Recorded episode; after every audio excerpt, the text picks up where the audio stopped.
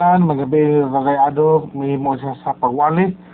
Bahit aning 2 Thessalonians chapter 2 verse 1 to 12.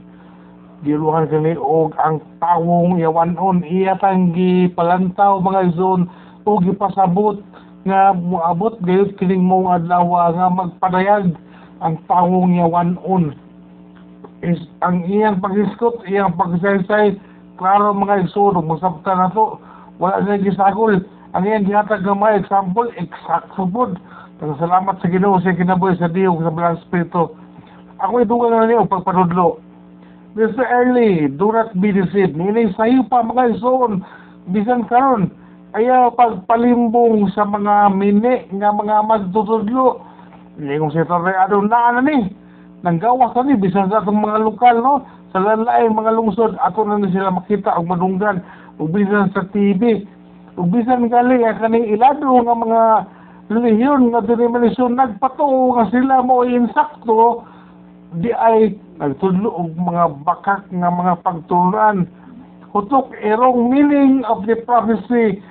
Sayo pangilang paglantaw nga kahulugan sa panagna ug iyang example katong usa ka pastor sa Davao nga nagpatuto nga siya ang gitudlo nga anak sa Dios ug gituuhan nila sa maong simbahan base sa pagbudlo sa maong pastor nga nahinabi na mo itong usa sa ilang membro nga milabay ka sa dito sa silong sapi house nga kung mamatay kuno kita tanan ang atong mga kalag mo muhapit sa ilang pastor ka peligro. Kung dili ta membro sa ilang simbahan nga Kingdom of God, aw ambot ata ibutang. Kaya dili man ta membro nila. So ako ni to kung mga kauban, kauban ni Papa peligro ta ani di ay kay mohapit mo tas dabaw ni tanan. Kaya kadi man ta membro. Pagtaga kita ni, hallelujah. Mauto ilang pagtuo mga igsoon. Klaro kay nga ikaw nga naminaw, klaro kay nga bakak nga pagpanudlo o ang muto ato malimbungan o daghan kayo ang malimbungan e kani sila mga iso tibok kalibutan ni karon nakaingon kay kung nga daghan ang mga gwapa ang naa sila simbahan. Oy ang naa sa tong simbahan mga bati magnahong so ingon ana ba nagkatawa to kung kaubang pastor na ayaw na lang na sila sawaya Siyempre, mga gwapa, hina sa pangdani mo na, kani nga tuwa, tininuod na mo nga nagsubay sa kamaturan, bahalag batig na kong. So being deceived, kung ikaw malimbungan mga igsoon susama atong gi gi-share ni Sister Amay nga usa sa iyang kauban sa sambahan kanhi, kung ikaw malimbungan, maabot usab kanimo ang kalibog. Hala, unsa, di man tinuod, no? Kaya giingon mo din niyo nga, katulong mo mo balik ang ginoo. Unya sa katulong balik, babayi na. Nahislutan pa na nito no? naunsan naman nga nagkadaghan naman ang Ginoo naapay Ginoo nga babae the coming of the Lord tanawa ha the coming of the Lord ang pagbalik ni Ginoo sa Kristo layo pa man gali tungod sa giingon din sa gisulat ni Pablo nga no ay dako kaayo na dako kaayo nga trabaho nga paghimuon sa dili pa kini siya mubalik. Pero dili ta maghalig nili akong basahon sa bersikulo 3 ha? Ayaw ka mo palimbong ni bisan kinsa sa bisan unsang paagi kaya ang mao nga adlaw dili mo abot samtang dili pa may tabo ang katapusang pag-asa sa Dios ug dili pa mo tungha ang taong iwanon ang kitang ala alang sa kaglagan ayaw pagsalig nga dugay pa. Kay susama na sa giingon ni Ginoos Kristo nagkanunay na itong gibasa sa iyang pulong sa Biblia ang iyang pagbalik sama sa kawatan sa tungang gabi walay gihatag nga oras walay gisulti nga sige kay ko ninyo karong martes kay mo balik na ko karong martes wala nga ingon na no fixed time o neither said wala si niingon si Kristo nga hapit na 2020 kaya sa tamo COVID eh, 2021 balik ko wala sa mingon na kung wala ko sa mingon nga 2025 na lang inigabot sa moderno nga panahon nga 5G na mo. O balik ko, hindi ko magubat sa China o sa Amerika. Wala nag-ingon si Jesus ni anak mga isoon. O disgutan ni Tatay Ado, iyang explain ang versikulo 3. Ah, kaning iyang ingon nga, ayaw kataranta. ikaw ako kung abot ni sa atong panumduman makadungog ta nini ayaw kataranta apan ibutang sa imong kasing-kasing nga mituo na gyud ikaw sa kamatuoran o guniti ang maong mga pagtulunan igsuon no bersikulo 2 ayaw dayon kamo kataranta o kabalaka kung makadungog kamo nga ang adlaw sa Ginoo may abot na. Ayaw kini tuhi bisag gipasikat pa kini sa propesiya sa wali o sa sulat nga gikan kunuhay sa mga pagsulat sa mga apostoles ayaw kataranta kung mataranta ka muna nga mga abuang bukag pagita atong imong kakuptan sa mag-imbento ka pareha atong gisgutan ng pulis tatay ado nga nagpasagad na lang po og duwal og sulat dito sa Biblia. Pero bantayan na sa mga iso nga kanang dina sa versikulo 3 na ay total abandonment buot pasabot kaning pagbiya sa pagtuo sa mga Kristohanon daghan ang mga Kristohanon nga malimbungan niining panahuna. Kaya nga naman makatuo naman sila atong gikurat nga mga doktrina.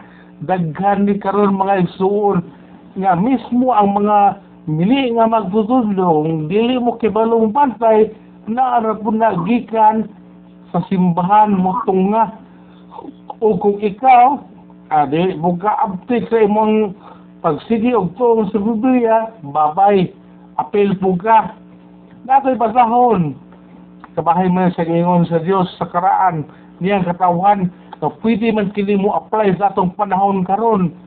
Isaiah chapter 1 verse 4 Pasahan ako sa makadiyot Isaiah chapter 1 verse 4 Alawot ka o nga makasasala.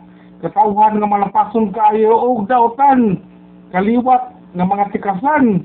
Gisalikway ninyo ang Ginoo ang balaang Dios sa Israel o mitalikod kamo kaniya.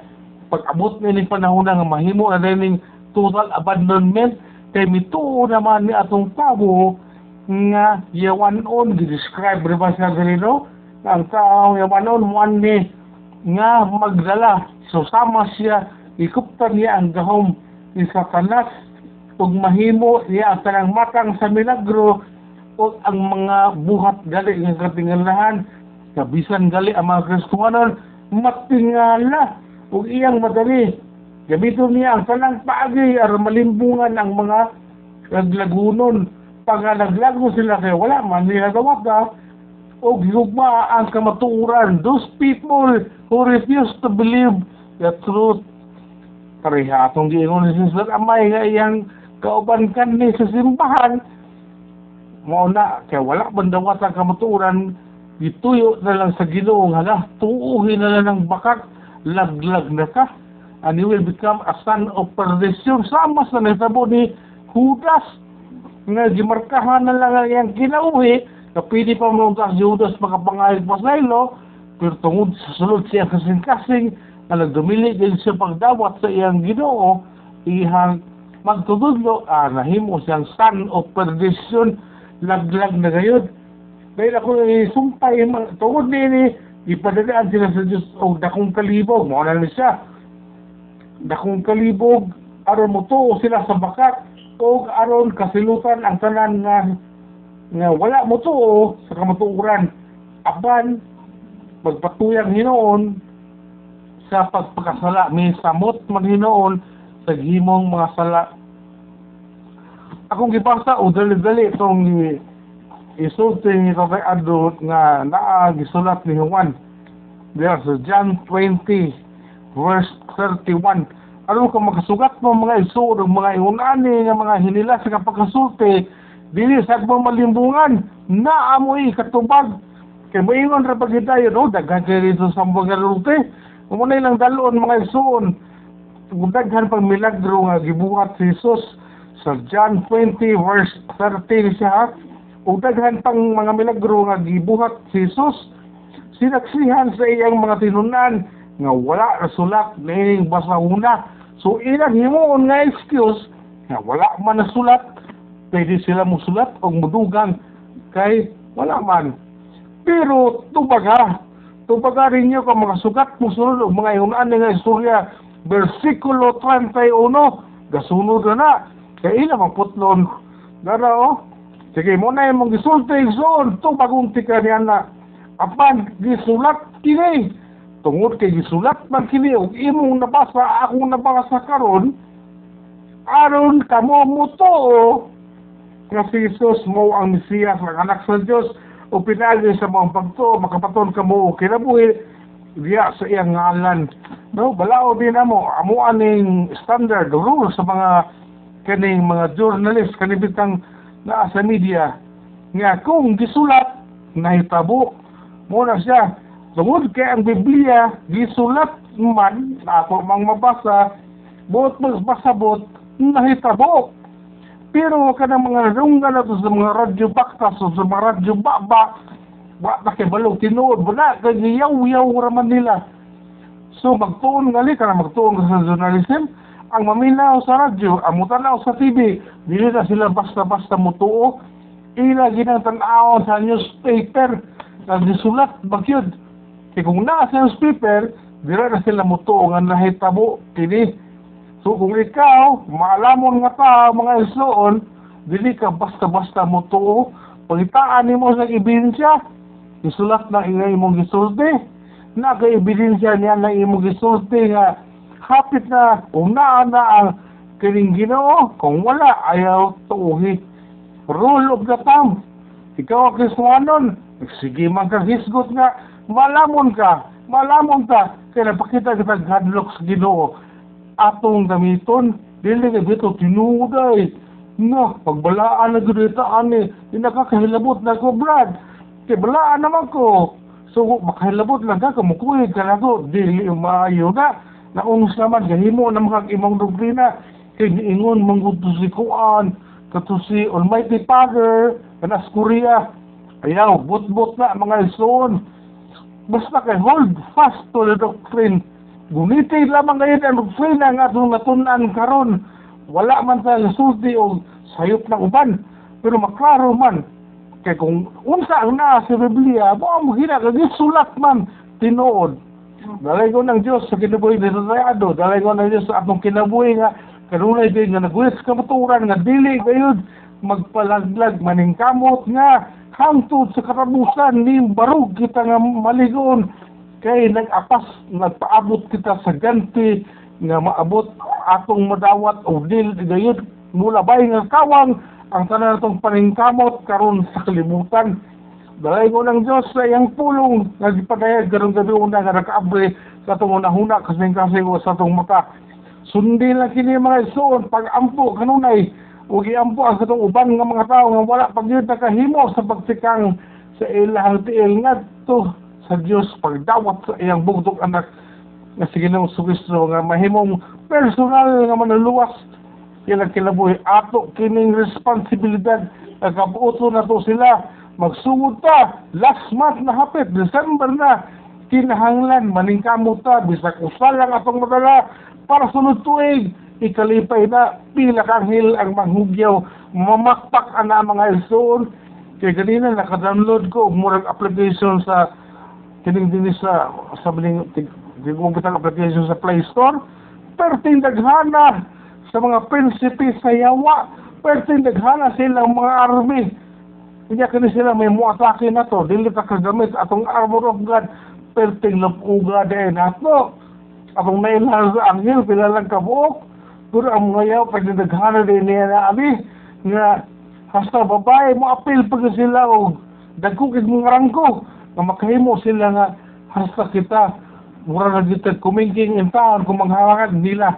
Pero tungod kay kita iya man sa Dios kita angay mahadlok mga isuon o akong basahon na nila ay karabusan na nako nga gi gilinyahan. Atong siratan tong tong wali tatay ado ah sama to sa Diyos Thessalonica no?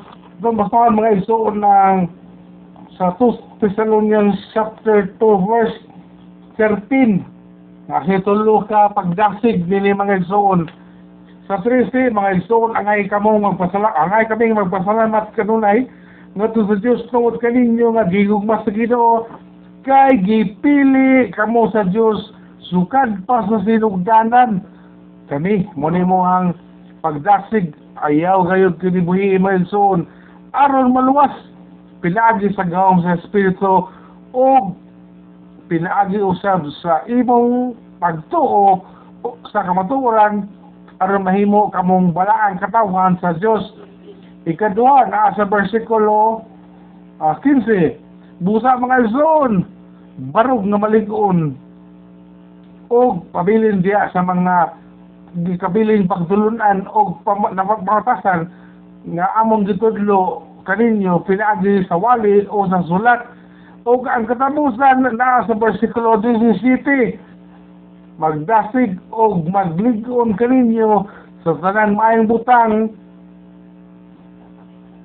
sa tanang maayong butang nga inyong buhaton o isulti no by all the things that we do and speak. Mo ni siya ang magdasig kanato. So hinahinay lang. Pero be watchful and pray. Mura po niya ako ang gusto po nga isulti kay nga be watchful and pray kay bisan pa may ingon diri nga dugay pa. So lang yun nga may kaliton. No dili na ni siya pagawson. Nagipugnan man ah magawas na lang. Di ambusan ta tanan Nalay ko ng Diyos. Ni kagabion sa iyang pulong o ang uban nga pag panahon? Akong iulis MC hallelujah. Amen